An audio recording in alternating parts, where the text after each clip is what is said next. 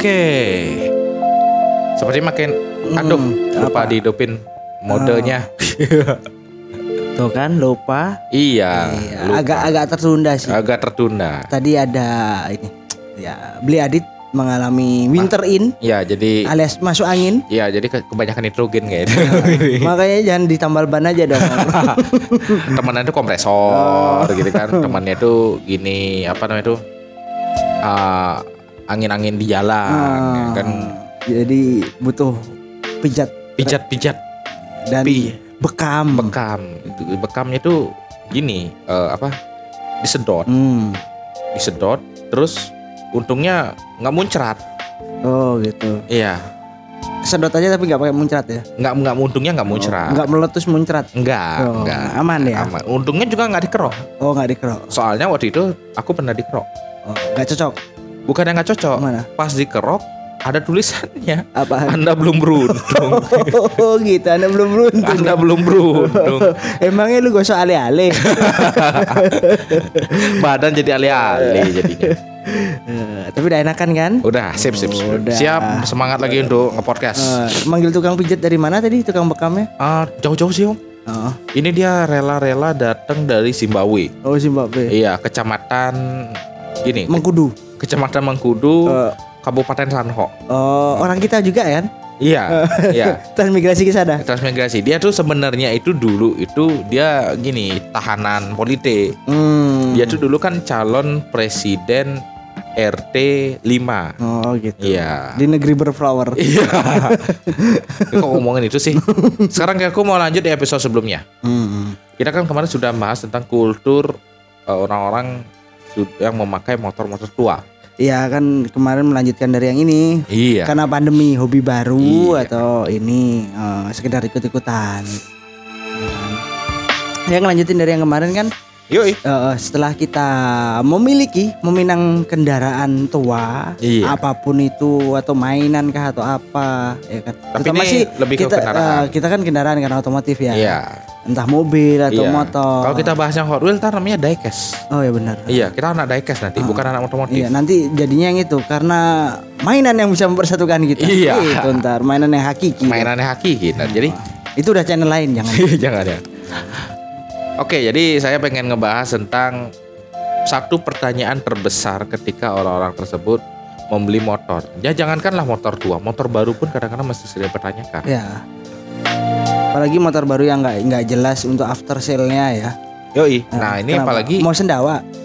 Gak tahu. Keluarin aja. Jangan, jangan ntar orang-orang terganggu lagi. Kan habis masuk angin, Iya, winter in. Winter in. Iya. Jadi apakah ya maksudnya di mana sih eh, orang-orang itu bisa mendapatkan spare part gitu untuk lagi motor-motor yang sudah sangat tua Mm-mm. seperti jangankan NSR NSR kalau aku bilang NSR CBR lama Hmm. atau Honda Grand Honda Grand Astrea atau Oh. Legenda Oh, oh. itu kan aku lihat di e-commerce itu masih banyak bertebaran part-partnya. oh, oh. coba kita tarik lebih jauh yang lebih tua lagi BSA Norton. Norton terus eh, Sundap Oh, Sunda Royal Enfield. oh, yang, Terus yang lama ya Ah, bukan yang, baru lama, ya? ah, Triumph. Triumph. Terus eh, Java. Ah, Nah, terus apa lagi lupa? Banyak lagi. Iya banyak lah. Pokoknya yang kisarannya tua-tuanya seperti itu. Oh. kan sekarang pertanyaannya kalau saya pengen motor gitu ntar saya dapatnya kondisi ma- mesin mati Mm-mm. gimana saya harus mencari spare part di mana saya harus cari bengkel Nah, masa saya bawanya ke dealer Honda nah masa itu, saya bawanya ke dealer Yamaha? Itu dia. kumis tuh. Anda yang dibekam, saya yang angin keluar. oke gimana Om? ya itu kembali lagi kita harus suka dulu, ya ah kan? Harus survei dulu, hmm. ya kan? Beli spare partnya di mana, bengkel yang bisa ditunjuk di mana, Hmm. dan beberapa part itu selain harus substitusi atau apa, kita harus bisa ngakal-ngakalin. oh ngakalin juga Iya. kayak bikin spare part tadi Ya kurang lebihnya sih ya. Mungkin kalau tua-tua udah kayak Norton tuh mereka eh, akhirnya substitusi mungkin eh, aku juga eh, nggak mendalami sana ya. Hmm. Kalau nggak salah ada yang bisa pakai seher mobil apalah gitu. oh gitu Iya, karena kan dia kan satu silinder big volume kan itu. iya big volume oh. jadi Iya. dia harus mencari mengakalinya gitu. Bahkan ada yang lampunya pakai punya Willys lah atau apa. Wis, yang itu pun mobilnya udah langka. Nah, juga kan Iya. Makanya susah-susah gampang makanya harus suka dulu lah Harus suka dulu. Hmm, harus suka dulu jadi eh, suka survei dulu ya kan Surveinya ke mana om? Saya sur- surveinya ke warung depan. ya kita bisalah berawal kalau kita nggak ngerti apa-apa Ah. dari yang dekat-dekat kita cari ke bengkel-bengkel atau toko-toko spare part oh, udah nggak ada ya udah sekarang zaman udah digital kok semua Hmm. orang udah melek digital buktinya internet udah sampai masuk kampung kan Iya. Nah, warga desa bisa tiktok kan Iya Iya benar. kan, ya, Kadang-kadang warga desa juga juga selain TikTok kan nyebar hoax. Hmm, jadi kan gini, bisa juga lah kita akhirnya kan ketik aja. Mbah Google udah ngalahin Mbah Dukun kok. Mbah Jadi Dukun, lebih- Mbah Dukun itu loh, bukan Mbah Dukun otomotif ya. Nah, Nah itu kan kita tinggal ketik tuh, nanti kan keluar kita ketik keywordnya apa yang mau kita cari itu dia keluar di situ kan. mm-mm. Entah yang jual spare part atau ininya, nah itu kan kita gitu. Paling nggak ya itulah gunanya kita.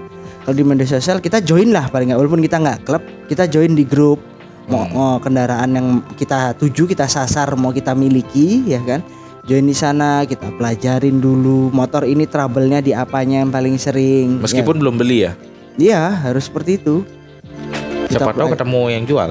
nah itu dia kan kita sambil lihat nanti ada yang jual wah ini masuk nih sesuai harga kantongku gitu kan Hmm. karena ap- apalagi kita udah pelajari pelajari kita kan tahu wah ternyata rusaknya nggak parah-parah amat nih gitu.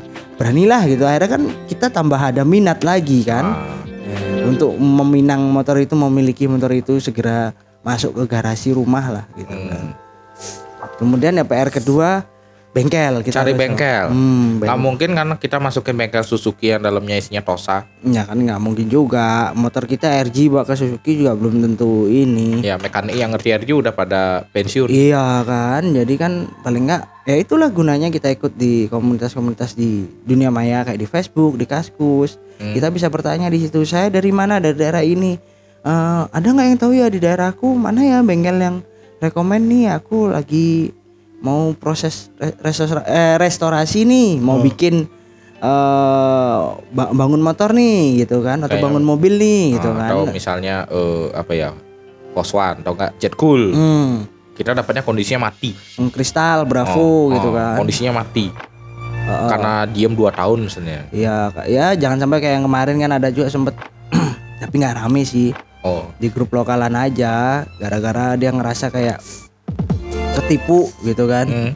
perbaikin Bravo total habisnya berapa 4 jutaan kalau nggak salah berapa Wis, kok mahal? oh, ya karena dia main eh, ini ganti ini ganti Oh, gitu. tanpa research dulu. Nah, harusnya kita ya itulah dari kita harus suka dulu, harus riset dulu kan, survei dulu. Jadi kita akan tahu biar nggak kena bukan menjelekkan oknum-oknum bengkel yang nakal. Yang Hmm. nanti ya bener dia perbaikin bener akhir motor jadi bagus, normal ya kan. Tapi, harga di up gila-gilaan. Iya. Ya kan? Paling nggak Jadi kan kita tahu. Ya kalau untuk itu seharusnya mau nggak mau kita dipaksa untuk belajar ngebengkel. Mau nggak mau? Iya, kayak aku kan akhirnya bisa tahu jadinya gimana bersihin karburator, nguras oli, ya kan? Bersihin tangki. Ah, bersihin Apalagi tangki. motornya udah tua kan lebih rawan korosi. Ya, banyak kerak-kerak gram-gram sebenarnya dari bahan bakar itu kan dia meninggalkan residu-residu kan? Iya, jangannya kayak eh, tangki tiger, Hmm. rawan rembes. Hmm. Karena kena residu dari itu gitu loh. Bahan bakar itu ya, sisa-sisa nggak pernah dikuras, nggak pernah dibersihin. Iya, 11 12 lah kalau sama residu masih ngingetin mantan. Oh bukan itu. Kalau itu itu lain residunya. Oh, siapa tahu pas lagi di jalan lihat mantan, wah enak mesra gitu kan. Wah, wah, kepalanya disenderin di pundaknya cowoknya sekarang. Uh, Ternyata cowoknya om-om. Eh, iya, nggak tahu juga. Dan cowoknya om-om eh, suami orang. aduh, duh, duh, duh, duh, itu sudah permainan kelas tinggi. Eh, Jadi Ki- kita bukan lambe turah kan? iya. Jadinya bisa bersyukur gitu. Ya nggak apa-apa ada baik buruknya lah. Iya, Jadi kalau dari sisi ya itu kan kita harus join forum. Mm-mm. Apakah wajib ikut klub? Nggak mesti sih. Nggak mesti. Masa aku banyak juga kenalan mereka orang-orang single fighter aja, Nggak suka. solo rider aja nggak suka, ditawarin pun gua saya nggak mau, nggak mau ikut ikutan, nggak punya waktu. Bahkan yang tegas tegas seperti itu ada. Dan saya nggak punya waktu, gitu kan? Ya udah deh bagi kontak om, siapa tahu ada trouble di jalan tuh gini gitu kan. Ya karena dia sudah istilahnya boleh kita bilang expert lah karena dia suka kan dengan Ah. kendaraan itu. Dia kan udah tahu motor dia yang bakal trouble apa, yang bakal bermasalah apa. Jadi dia akan jawab nggak usah mas saya udah tahu ini motor saya sendiri saya udah pakai lama saya tahu apa yang harus saya perbaiki ya sudah Hmm. itu loh wajar Itu yang yang yang benar-benar yang kaku nggak mau. Hmm, ya beberapa ada yang menolak secara halus banyak juga. Hmm. Satu dua lah kalau yang terlalu, terlalu tegas seperti itu. Makan kita menghargai. Hmm, yang penting oke. kita sudah mengajak, ya kan? nggak ada salahnya kalau dia nggak mau nggak apa-apa kita tetap teman di jalan kok ketemu di jalan kita bisa saling klakson Oke oke oke oke. Hmm, anda mengantuk habis dibekam ya nikmat sekali kayaknya habis di- dibekam sama Mr. Jono Mister Jonan tukang pijat.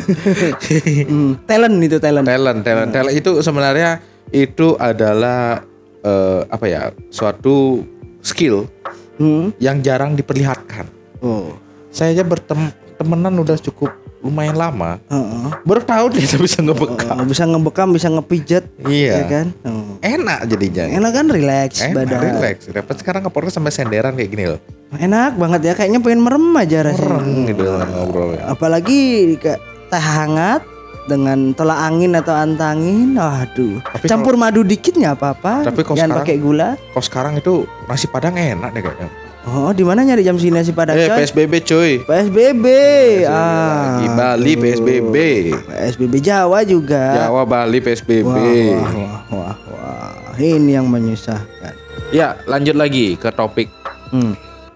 Misalnya nih, Kumis saya Ada- gatel, panjangan. eh, gimana cara membangun tahu kepercayaan kalau misalnya kita beli partnya di online? Maksudnya bukan di e-commerce ya. Hmm. Kalau di e-commerce kita harus jamin ada fitur komplain. Ya, Ini di forum Facebook misalnya gitu.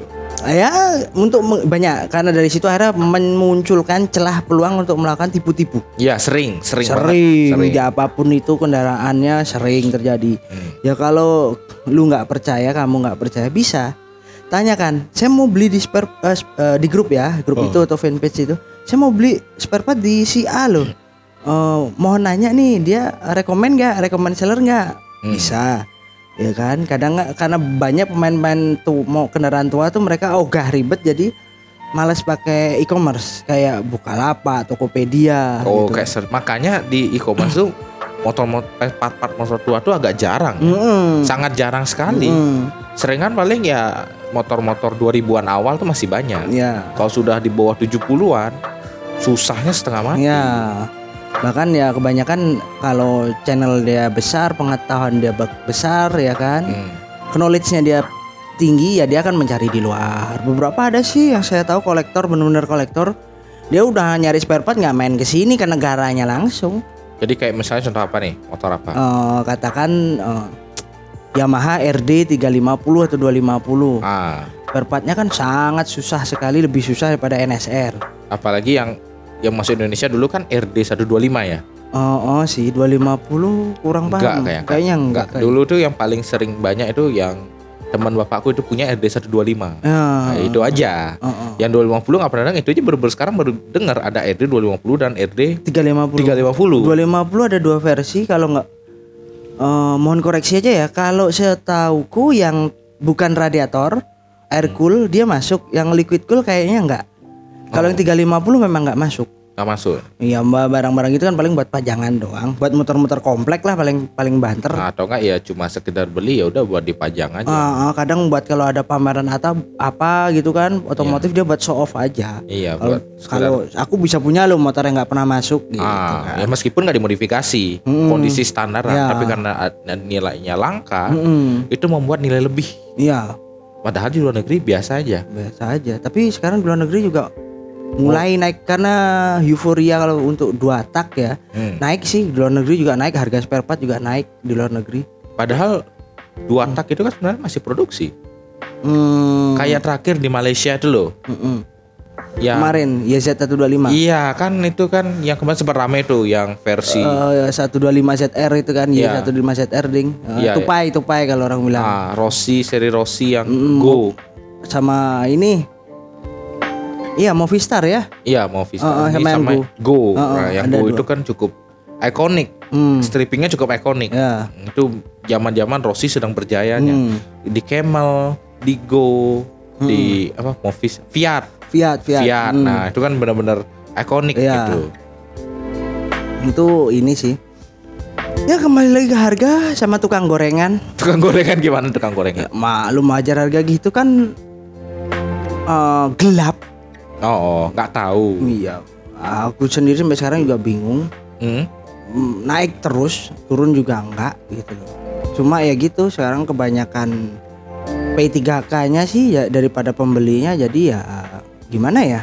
Ya rugi aja barang banyak tapi yang beli sedikit kan eh gimana gitu loh ya bukannya gimana gimana atau menjelekkan atau gimana Hmm. Ya, jadinya siklusnya tidak stabil Oh, nggak stabil. Mm, siklus arus jual belinya lah ya. Jadi kadang-kadang dia naik, kadang-kadang bisa jatuh nggak harganya? Eh, jatuh sih kayaknya enggak ya kalau aku tahu. Terutama untuk dua tak dua tak ya apa pun itu. Hmm. enggak sih kebanyakan. Eh, paling kalau dia ada turun turunnya itu angkanya masih lebih tinggi daripada eh, dulu. Jadi motor katakan king lah dulu berapa sih kita dapat Eh, 9 juta udah mulus udah bagus Iya, apalagi dulu. barang simpenan kilometer rendah ya kan Ya, apalagi yang kondisi yang sudah dimodifikasi udah nggak isi lampu. Hmm, kalau sekarang ya yang enggak yang model gitu aja lo mintanya paling sedikit 15 Iya, ya kan benar. dulu yang bukan menjelekkan dulu yang modifan seperti itu itu 3 juta aja udah susah jualnya Iya, bahkan ada yang jual satu juta loh. nah Karena motornya itu kayak cuma menemuin gudang. Hmm, kan akhirnya cuma ya itu berimbas sih harganya naik juga akhirnya kan. Hmm, iya iya iya benar benar benar benar. benar. Karena permintaannya makin lama makin tinggi. Hmm. Apalagi motor-motor yang susah. itu kan King masih Yamaha. Hmm. Padahal oke lah masih ada yang jual. Apalagi populasinya cukup banyak di Indonesia. Iya, Coba ya kalau yang motor-motor kayak apa tuh yang Triumph lama. Prima atau enggak yang Matic 2 tak tuh loh. Hmm, hmm, hmm. Um, Ayo. aku lupa namanya. Ayo. Ya pokoknya Matic yang 2 tak lah. Iya. Ada Matic 2 tak. Oh, kalau Yamaha Glide Ya Glide. itu masuk Glide Glide tuh masuk. Tapi jarang. Dia bentuknya mirip kayak Kimco SI. Tapi jarang. Oh, oh, kalau Honda itu apa sih coba lu searching dong di komputer. Haji. Honda Maticnya lupa gak? Dio. Oh, Honda Dio Honda ya. Dio itu nggak nggak pernah masuk sih kalau Dio. Ada yang yang Eropa loh ya cuma ada tiga di Indonesia itu loh. Oh kemarin tuh, oh, lupa. aku. Ah, yang Yang di si ini kan youtuber itu dapat nge-review kan? ya sama ya yang jualan di sini yang sering jualan moge inisial Hmm. Y. Oh ya. Dia kan kemarin dapat jual. Hmm, hmm, Nah. hmm, hmm, hmm. Jadi kalau kayak gitu gimana? Apalagi sangat rare. cuma ada tiga di Indonesia. Oh, itu sih paling ya pakai sekali dua kali doang dipanasin sisanya ya majang aja di di garasi itu di ruang tamu. Jarang dibawa, hmm. jarang dibawa ke pasar dia. Ya enggak lah, bawa pasar mau ngapain? Beli sayur. ya kan kalau Matic kan di mata mama kan, oh motornya nih oke lah bawa ke pasar bisa bawa bawa barang banyak, bawa galon. Oh, oh, oh. Ngomong-ngomong soal Dio atau Glide, kalau Ah. versi JDM ya, Hmm. Oh ada versi Jepang. Itu kan di Jepang rata-rata. Oh udah Thailand loh. Enggak. Itu kalau dia memang diekspansi keluar, Ah. tapi perbedaannya dengan versi JDM itu Hmm.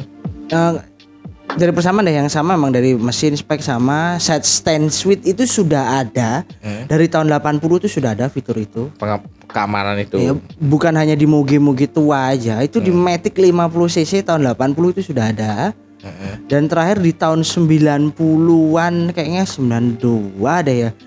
Eh terutama aku ingat Yamaha dan Honda dia punya fitur karena sana in- infrastruktur udah bagus ya, jalanan udah bagus. Oh beda kayak Indonesia ya yang Ah, yang isinya lobang semua. ya? Nah, tempat parkir udah bagus. Hmm, kalau di sini kan- lu parkir nggak ambles-ambles. Apalagi di sini eh, mau bangun jalan mau mulus kayaknya sangat lama deh karena potong sana potong sini. Nah, itulah masalah. Iya. Jadi karena di sana infrastruktur bagus, jalanan bagus, tempat parkir rata datar. Ah, Seingatku dua pabrikan ini punya fitur yang lagi satu belum di Matic Matic sekarang belum dikeluarin entah kapan ya. ah. Ya kan? Kayaknya kalau Big Scootingnya kurang paham ya. Kayaknya belum juga deh. T-Max juga kayaknya belum. Belum belum belum. Eh, yang aku tahu inget Big Scootik yang masuk sini ya. heeh. Majesty inget gak? Ah, Majesty. Ah, itu kan kayak mbahnya X Max kayak lihat itu. Majesty itu setauku mohon kok mohon dikoreksi aja kalau salah. Karena beda ya versi JDM dengan yang diekspansi atau di diekspor keluar, Ah, ya kan?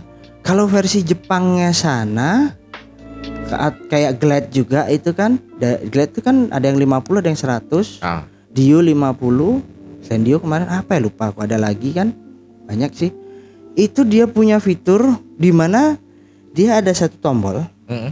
kalau kita tekan Mode turbo. bukan acir dong mak-maknya tambah Kirain ada mode turbo, twin turbonya gitu loh. enggak jadi dia ada mode di mana kita pencet tombol itu Hmm. kita nggak usah capek-capek nurun dongkrak tengah dongkrak tengahnya turun sendiri otomatis motor itu ke dongkrak tengah dengan otomatis Oh, jadi tapi harus tetap dipegangin. Iya, kita posisi berdiri lah di motor masih Ah. pegang stang, kita pencet tombol itu, dia nanti naik sendiri. Oh, iya iya, itu bayang itu dinamonya seberapa? Ada kuat? dinamonya, dia biasa ditaruh di bawah eh, di dekat pijaan kaki kita di bawahnya. Ada. Itu Dio yang versi JDM punya. Punya. Wih, keren. Jadi itu kita seberapa gede dinamo tuh? Lumayan besar aku pernah di YouTube ada kok gede dia. Jadi dia buat nurunin dongkrak tengahnya itu. Tret, turun dan motornya nanti gerak. Jadi dalamnya ada kayak gearnya lagi. Jadi benar-benar jadi kita biasa dongkrak tengah manual. Hmm. Nah, ini dengan elektrik. Hmm, ya ya ya. Tapi kalau di sini kayaknya nggak reliable deh. Iya, mu, karena jalan kan entah kapan lah ya itu masuk ya. Jang, itu ya jangan diharapkan lah. itu ya Hmm, yang susah. yang yang aslinya di luar itu banyak gini aja. Di sini banyak dipangkas-pangkas. Oh ya, di sana juga yang fitur seperti itu juga ini sih, ya kan untuk lifetime-nya juga kurang sebenarnya. Iya, sebenarnya mungkin sudah mulai ditinggalkan. Ya, karena di luaran juga udah nggak dipakai pakai lagi JDM JDM sekarang Jepangan juga udah nggak pakai karena nggak reliable. Hmm, Dinamonya itu kalau kalah kita merbaikinya kan banyak, merbaiki mesin, merbaiki dinamo. iya. Lagi pula juga itu tanpa kita pen- pencet kita bisa dongkrak tengah juga kok nggak apa-apa iya, manual. dan juga motornya kecil kan. Mm-mm, Kecuali motornya segede T-Max. T-Max ya aku coba dongkrak standar tengah aja. mm-mm, Itu masuk ringan loh. ya. Ringan padahal padahal motornya segede segede gambreng gitu. mm-mm. Ya enaknya di situlah. Cuma ya balik lagi sih itu kan fitur ini sama lah kayak set stand suite apa gitu kayak eh kalau kayak di Honda Yamaha yang kita pakai rem belakang parking brake lock. Ya pakai pa- parking Ya brake lock kan. brake lock ya yang gini ya. Apa itu kalau nggak salah aku pernah baca di forum Jepang itu sudah ada di motor antara keluaran tahun 78 atau 79 itu sudah ada. brake lock itu sebenarnya kan Matic. sebenarnya itu kan ganjelan handle. Handle aja diganjel. Kalau aku lihat kayak sistemnya itu sangat-sangat simple. Cuma handle diganjel. Pokoknya itu pertama, terus di fitur kedua di tahun 80-an, 81-an nggak usah, apa 80 pas masuklah yang set stand suite itu. oh udah mulai. Heeh, tapi kalau di Jepang sana dia eh, langsung semua, jadi mulai dari moge sampai yang ke bawah tuh ada fitur itu semua. Itu bayangin kalau kayak Goldwing itu yang segede-gede gitu ya Goldwing sekarang kan juga ada. oh iya ya Ada moge-moge sekarang kan ada semua. oh iya yang bagian berat-berat kayak itu ya Eh, ada fungsinya terus kalau di moge-moge kan ada fiturnya di mana kita harus nge mau mencet starter terus tarik kopling dulu. iya tuh Nah, itu tuh udah fitur tahun 80 itu. sebenarnya di sini kan baru-baru start Ah. tahun 2010-an Nah, itu di sana udah tahun 80-an itu fitur itu ada. Padahal ada. sebenarnya simple dia cuma ngasih kayak switch saja. Heeh. switch biar kalau pas misalnya gigi masuk sensornya tuh kebaca. Kalau ini bisa apa kayak keputus jadinya. Hmm, jadi gigi masuk, kita kopling, kita starter nggak nyala kan? nggak nyala. Harus kita netralin dulu, tetap tarik kopling berstarter. iya kalau nggak gitu eh, kadang-kadang ada yang bisa ada yang nggak eh, nggak perlu pencet kopling bisa starter nyala tapi harus posisinya harus netral. Hmm, sama kayak Matic lah, lu Matic kan harus tarik rem sambil starter kan? iya kalau Mio zaman dulu enggak Ah. Mio zaman dulu kan belum nggak ada sensor itu Ah. ya udah sambil sambil gini aja bisa sambil dongkrak satu sambil starter biasa itu Ah, itu kan fitur tahun 80 itu. Hmm. 80. Bayangin, kita baru kebagian di 2010. iya Berapa puluh dekade? Berapa dekade itu? 80, 90, 2000, 2010. Tiga dekade, coy. itu kayaknya Kita mengalami perlambatan ya. menurut saya bukan perlambatan sih Karena belum dibutuhkan pada saat itu. belum dibutuhkan dan masyarakat kita mungkin masih konservatif Iya, lagi pula contoh aja Suzuki mengeluarkan FXR udah full digital segala macam, nggak laku. nggak laku terus Tapi sekarang jadi incaran. iya terus eh, waktu Vario awal-awal yang dongkrak satu mati dongkrak Oh. samping mati Heeh. awal-awalnya kan banyak yang bingung nggak bisa makainya Iya. Terus sekarang malahan semua motor pakai kayak gitu. Nah, sebagai fitur keamanan kan? Iya. Sebenarnya kalau kita dikasih emang awal-awal kita pasti apa ya? Pasti eh, perlu apa? adaptasi. Adaptasi. Bulu kumisku rontok masuk mulut. Maaf teman-teman. Nah, Kumis kalau misalnya kayak gitu, ya kan? Itu tahun 80 udah ada. Hmm. Itu kan tidak cukup reliable untuk puluh-puluhan tahun. Ya, Nah, kayak gitu-gitu mungkin agak sulit ya cari part-partnya ya. mungkin zaman dulu gini, keterbatasan informasi, Hmm. ya kan? Bisa jadi kalau dari dulu informasi itu sudah masuk dari tahun 90, Nah, bisa jadi Grand Supra itu sudah ada set stand suite. mungkin. Mungkin karena Super Cup versi lama itu sudah ada loh di tahun 90. Super Cup yang lama Iya, yang tahun 90 loh Super Cup yang tahun 90. itu ada kalau yang JDM ya, nggak tahu kalau yang keluar dari Jepang. yang- Yang, JDM ada, berapa ya 50 cc ya? yang sampai 100 pun juga ada kok. Yang 100 tuh dapat. Udah ada, sudah ada. Dia ada fitur set stand suite-nya. Oke. Katakan Supra versi Jepang dengan versi Indonesia yaitu Oke, ada iya, yang iya. terpangkas itunya karena kan selain biaya Hmm. ya kan kedua Pajak. pajak selain itu teknologi ini belum dibutuhkan pada saat Iya, ini apa- belum reliable Iya, terus apalagi untuk yang perbaikin eh, apa mekanik-mekanik itu harus sekolah lagi. Hmm, kalau makanya kan kalau sekarang kita sudah sangat jarang sekali ketemu kecuali kalau udah motor tua mungkin Supra kayak Supraku, Hmm. orang naik Grand. Bisa lah kita pepet orang, "Pak, dongkraknya, Pak." Iya. Oh, kalau orang Jawa jagangnya, Pak. Pak, Ah. ya, jagang sampingnya belum dinaikin. Apa gitu, Pak, standar, Pak. Eh, standar, Muka standar. lu, Pak. muka lu standar. bisa termaafkan kok. nah, ya masih udah jarang sih. Kalau sekarang nggak pernah kejadian gitu. Hmm. nah, jarang sekali ketemu. Kalau dulu masih kita sekolah masih sering ketemu kan. Iya, Pak, Pak, Pak, dongkrak, dongkrak. Karena mungkin gitu. setelah itu dilihat membahayakan. Orang lupa naik dongkraknya, standarnya begitu dia belok ke kiri, gedubrak. gerubak iya, apalagi kalau orangnya Iya kalau orangnya teliti. Hmm. Kalau cepet-cepet, Nah, nggak berpikir ke sana. Oh, oh, aku aja kadang masih lupa. mau di, Iya. mau dibikinin fitur itu, males jumpernya gitu. Kalau kita tahu arah kabelnya, bisa diakalin. Mending gini aja, Om. Dongkrak samping, dongkrak tengah hilang, Hmm. pakai pedok aja. Oh gitu. Terus nanti kalau aku di toko ditempelin di tembok aja ya kayak sepeda gayung. Iya. Sandarin di tembok gitu. ah, kepala mundur. Eh, gitu. Kepala mundur, kopling, handle TS. Oke. Karbu 32, CDR Extor. Heeh, ka- eh, eh, boros iya, larinya segitu-segitu aja. Ah, terus, Eh, mesin eh, standar. Terus, eh, yo kan kelas gini, kelas standar. Oh, tampak racing ya. Iya, kan kan ada kelasnya itu yang 125 standar, 125 Open. open, Eh, kan itu tune up. tune up, terus ada yang FFA. Oh. Hmm. Yang ini kan yang 125 standar. Hmm, ya standar tapi ngabisin duit kalau itu lebih baik nggak usah. Nah, itu itu ingat itu itu body jangan dibaut pakai subtlety knalpot AHRS atau AHAU Hmm. terus pakai shockbreakernya Daytona ke- Kita pembahasannya menjauh ya. oh iya oh udah 28 menit pantas agak menjauh Wah, benar benar benar. Nah, iya. asikan ngobrol. sih ngobrol oke Kan cukup ngegibah. iya Biar- untung ya paling nggak eh, pendengar kita tahu. Oh, fitur itu sudah lama ya. iya benar sekali gibah itu tidak melulu tentang gosip Oh. tapi juga memberikan informasi-informasi yang Iya, seperti tadi kayak set stand suite, parking brake lock itu aku pribadi ya, aku dapatkan lu harus searching jangan di Indonesia. Dapatnya di situs resmi Yamaha dan Honda Jepang. baru dapat Ada di situ mereka atau enggak forum resmi yang memang dibikin dari pabrikan di sana.